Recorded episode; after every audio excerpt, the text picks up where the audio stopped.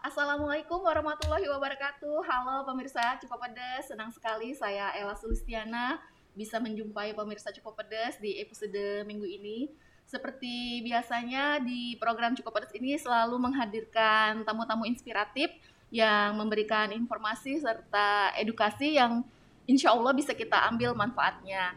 Nah, uh, untuk lebih enak lagi kita ngobrol nih, kita lepas maskernya, walaupun lepas masker tapi tetap prokes ya. Prokes. Nah, tadi kan sudah saya singgung nih uh, di episode minggu ini nih tamu kita terbilang istimewa nih. Sosoknya mungkin udah nggak asing lagi nih di oleh pemirsa cukup pedes. Mungkin udah bisa dibilang Wonder Woman di Sumsel. Kita langsung sapa aja. Halo Ibu Lucy, Halo, apa kabar? Baik, alhamdulillah. Alhamdulillah, senang sekali Bu bisa berbincang dengan Ibu di episode kali Sama ini. Sama dong, senang juga. Oke deh pemirsa cukup pedas untuk ngobrol lebih enak dan lebih lengkapnya pantengin terus YouTube kita di Press Official dan di Spotify. Oke Bu, kita langsung aja nih ngobrol nih. E, mungkin nama Ibu Lucianti kan udah uh, besar ya udah nggak asing lagi nih di pemirsa uh, cukup pedas. Uh, mungkin bisa berbagi kiat nggak sih bu? Ibu bisa sampai di titik ini uh, bisa jadi pengusaha yang besar ya. Mungkin bisa dibagikan bu. Uh, mungkin ada tips atau ada uh, apa yang harus dilakukan? Oh gitu ya. Uh -huh. Tadi saya kaget juga Mbak Ella karena saya pikir uh, cukup besar, cukup besar badannya atau apa ya? cukup besar namanya, oh, cukup besar iya, iya. juga Bu. Terima kasih. Jadi uh, saya sampaikan mungkin uh, masih banyak sih pengusaha yang uh, lebih sukses gitu dari terutama dari saya ya. Tapi mungkin ada juga beberapa uh, apa namanya uh, langkah atau uh, trik yang bagaimana kita uh, bisa mendapatkan uh, apa ya uh, kesuksesan dengan dengan dengan cara ya berusaha dengan keras kan.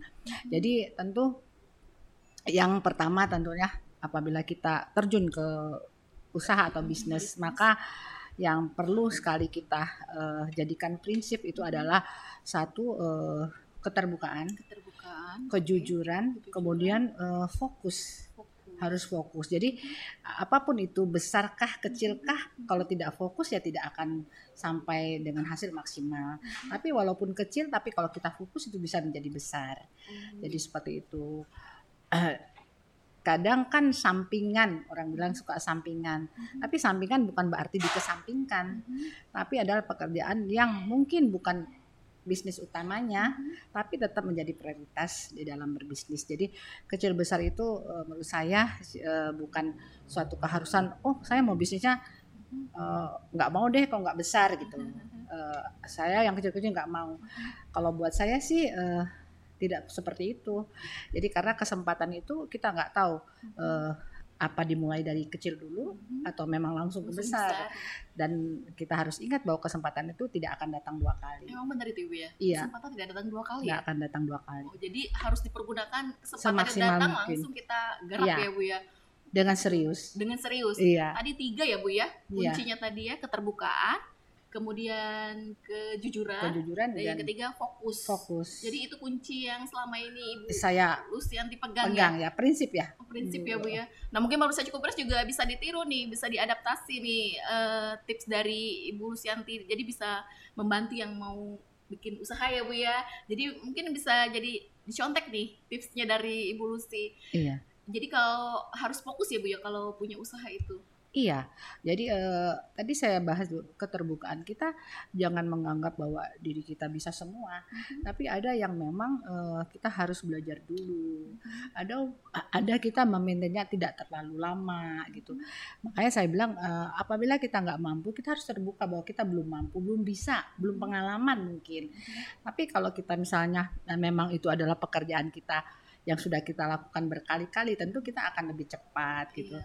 Jadi kita terbuka jangan tidak mampu tapi menganggap bahwa diri mampu sehingga nanti ketika ada masalah uh, kita akan uh, apa ya maksudnya uh, terpuruk di situ. Nah, tapi kalau kita uh, uh, mengatakan bahwa keterbukaan ini bahwa saya belum mampu saya harus belajar. Jadi mungkin customer kita juga akan memaklumin bahwa oh ini memang tahapannya belajar gitu ya. Nah kalau Bu Lucy sendiri untuk belajar menjadi seorang pengusaha itu apa sih Bu yang dipelajari dan siapa sih yang dicontoh Bu?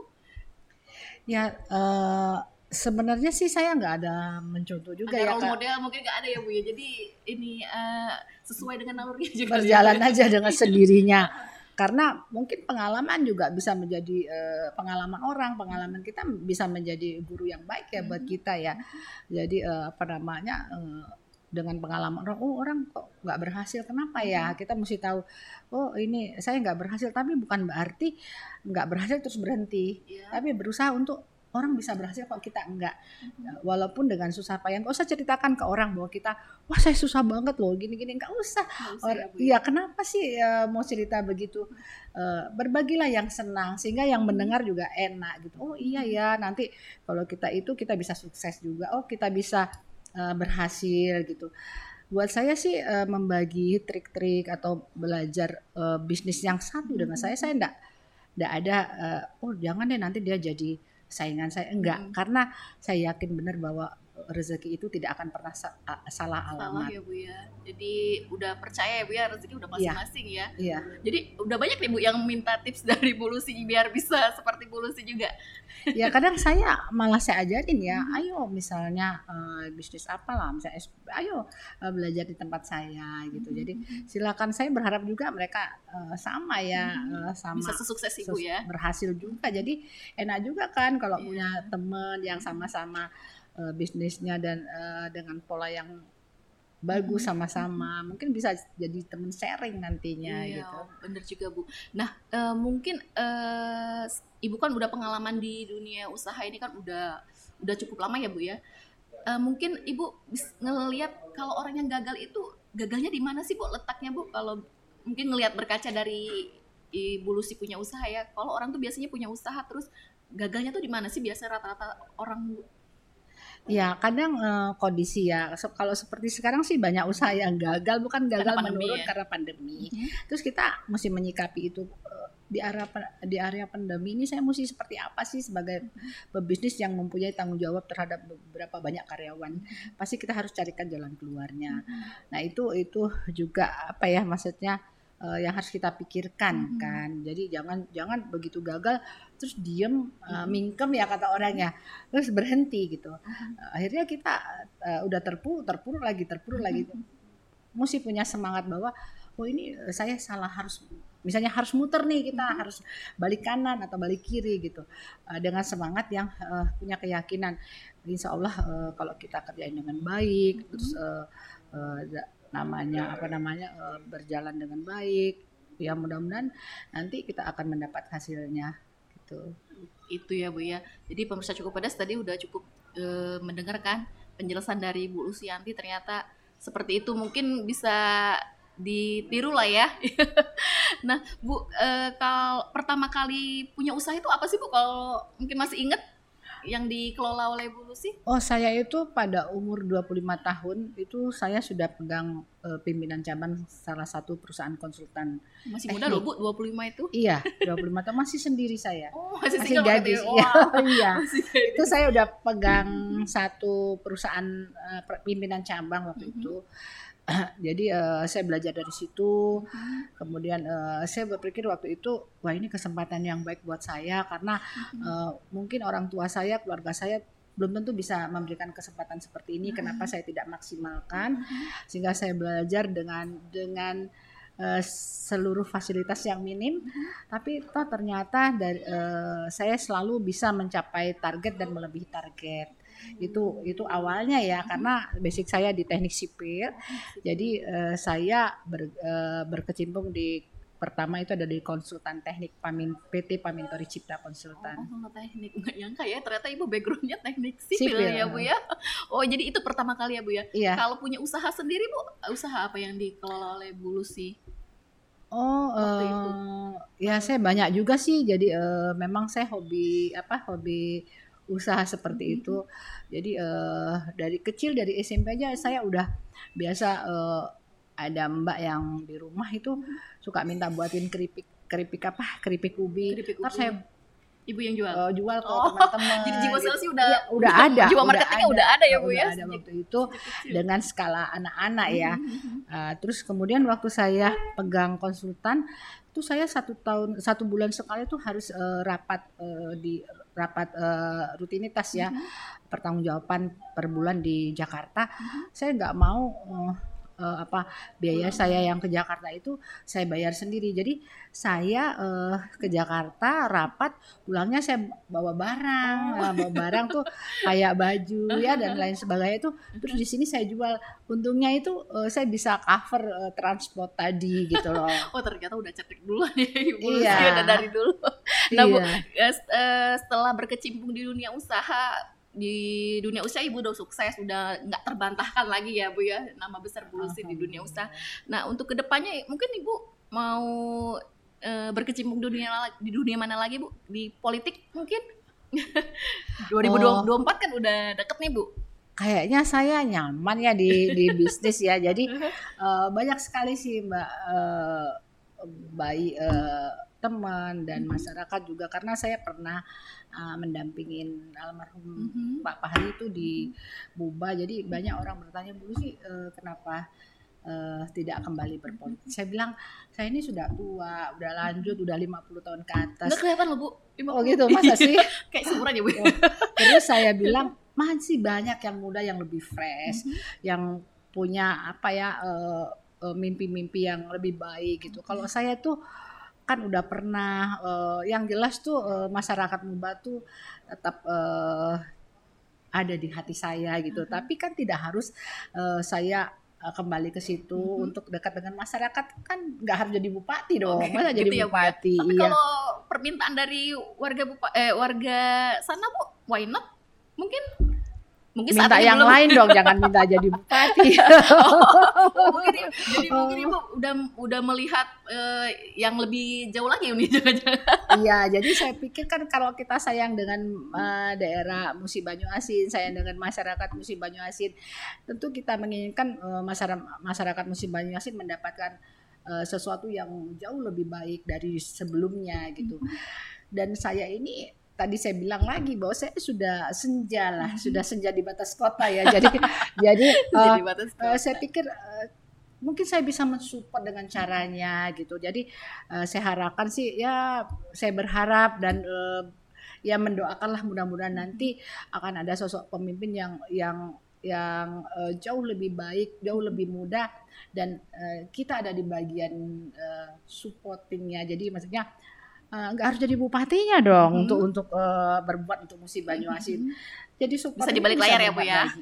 Iya, jadi udah ketemu belum bu siapa yang dimaksud eh saya serahkan semuanya ke masyarakat lah, ke masyarakat Musi Banyuasin pasti lebih tahu gitu. Nanti akan terlihat pelan-pelan eh, muncul sosok-sosok yang luar biasa eh, putra-putra asli daerah Musi Banyuasin yang eh, tidak diragukan lagi. Tentu eh, kita saya akan mensupport apabila itu memang eh, dikehendaki oleh masyarakat Muba tentunya. oh gitu ya bu mungkin Bu Lucy sudah punya kandidat bu siapa yang cocok Aduh, aku nih kebenaran eh, atau belum mau buka namanya apa masih Enggak. melihat-lihat bu saya siapa aja lah ya yang penting eh, dia punya pemikiran untuk memajukan musim Banyuasin berbuat yang terbaik untuk masyarakat Musi- musim Banyuasin saya sampaikan juga ke masyarakat tidak ada pemimpin yang tidak ingin mensejahterakan masyarakatnya cuman caranya saja yang berbeda. Kalau Pak Fahri seperti ini Mhm. kalau eh, yang lain seperti ini jadi semuanya tentu eh, arahnya ke mensejahterakan Men- masyarakat dan melayani masyarakat. Caranya aja yang berbeda ya bu ya? caranya yang berbeda. Jadi yakin nih bu 2024 nggak ikut bermain ya saya serahkan semua ke Allah lah ya. Jadi se- yang saya minta cuma doanya lah mudah-mudahan saya sehat gitu. Amin. Apa pun yang terjadi itu tentu eh skenario Allah dan atas izin Allah. atas izin Allah ya Bu ya. Oke deh kita lihat mungkin saat ini Bu Lucy masih belum memberikan eh, jawaban yang jelas. mungkin di last minute. Oh gitu ya. Masih belum jelas ya. Iya, mungkin kan eh, siapa tahu hari ini Ibu bilang oh nantilah nantilah ya, ya kan nanti nggak tahu kan ke depan Oh, eh, gitu. gimana kan ya Bu ya. Gimana Iya. Bu? Rasanya tuh eh, saya berpikir begini, eh, kayaknya nggak pantas sudah Oh. nenek-nenek gitu loh. Oh, Kok gitu. mau nyalon nyalon eh, kan harus full power lah ya kalau mestinya berbuat itu uh, seperti yang saya lihat uh, terhadap almarhum ya. Jadi almarhum itu kadang uh, tidur aja tidak membicarakan keluarga tapi membicarakan masalah-masalah musibahnya asin kan. Berarti saya juga uh, uh, kalau pemimpin itu seperti itu sedangkan saya punya tanggung jawab terhadap uh, keluarga ya mm-hmm. ibu rumah tangga harusnya makmum ya mm-hmm. jadi ya nantilah nanti kita lihat yang terbaik uh, ya kita doakanlah mudah-mudahan nanti uh, apa pun uh, yang uh, yang ter siapa pun yang terpilih pasti itu uh, yang terbaik kata Allah Amin. Nah kalau boleh tahu nih Bu, uh, dari Ibu sendiri nih, kalau untuk pemimpin muba nantinya, kalau dikasih tiga kriteria, apa aja Bu yang harus dipunyai oleh pemimpin muba Bu? Ya pasti pemimpin muda muba yang punya komitmen ya, komitmen, komitmen okay. terhadap uh, dirinya dan masyarakat bahwa dia ingin memajukan Musi Banyuasin, hmm. mensejahterakan masyarakat Musi Banyuasin, berbuat baik hmm. terhadap masyarakat Musi Banyuasin. Yang kedua bu? Yang kedua uh, ya saya ber, uh, berharap juga pemimpin yang ingin, yang bisa mendengar suara-suara dari masyarakat. Uh, siapa pun dia, mm-hmm. apakah dia uh, anak sekolah mm-hmm. ataukah dia uh, uh, orang yang ya petani, orang yang ber, bergerak di pendidikan mm-hmm. dan lain sebagainya itu uh, akan uh, suaranya tetap akan didengar tanpa pilah-pilih ya. Mm-hmm. Jadi uh, tidak hanya mendengar laporan dari para asisten mm-hmm. atau uh, kepala dinas, mm-hmm. tapi bisa langsung menyampaikan ke bupatinya dan bupatinya uh, bisa cepat uh, apa namanya merespon ya, ya? merespon ya? dan itu tentu uh, masyarakat mempunyai kepuasan tersendiri. Nah, yang gitu. ketiga harus apa nih Bu? Punya apa Bu? Pemimpin. masyarakat yang uh, uh, pemimpin harus dekat dengan masyarakat. Harus dekat dengan masyarakat. Jadi uh, uh, karena uh, dia menjadi pemimpin itu dipilih oleh masyarakat. Mm -hmm. Tapi kalau dia jauh dengan masyarakat, uh, bagaimana kita uh, mau uh, apa ya adanya ikatan emosional mm -hmm. antara pemimpinnya dan mm -hmm. dan dengan, uh, rakyat. dengan rakyatnya. Jadi uh, kedekatan itu banyak dengan se segala macam ya, mm -hmm. bisa kedekatan uh, bisa apa namanya bicara langsung, mm -hmm. bisa menemuin uh, pemimpinnya tidak tidak pakai uh, tidak sulit, sulit gitu. Ya, Terus juga uh, ketika dia uh, berhadapan dengan orang tua dia bisa dikatakan sebagai anak sebagai cucu hmm. tapi ketika dia diri ya, Bu, uh, uh, dengan dengan dengan ininya dia juga bisa bisa dikatakan kakak hmm. atau dengan kakak yang lebih tinggi dia bisa adik jadi dia bisa menempatkan dirinya di segala lini Oke deh. Nah, pemirsa cukup pedas itu tadi uh, kriteria dari Bulusi nih untuk mau jadi pemimpin di pemimpin muba di 2024 nanti. Oke deh Bu, nggak keterasa nih ngobrol sama Bu Lucy dari ngobrolin usaha sampai yeah. ngomongin politik ya Bu ya. Yeah. Semoga nanti Bu Lucy tadi terjawab ya tadi 2024 ya Bu ya. Amin ya Allah. Oke deh pemirsa cukup pedas, terima kasih sudah menyaksikan program cukup pedas kali ini. Next time kita akan jumpa lagi. Terima kasih. Assalamualaikum warahmatullahi wabarakatuh.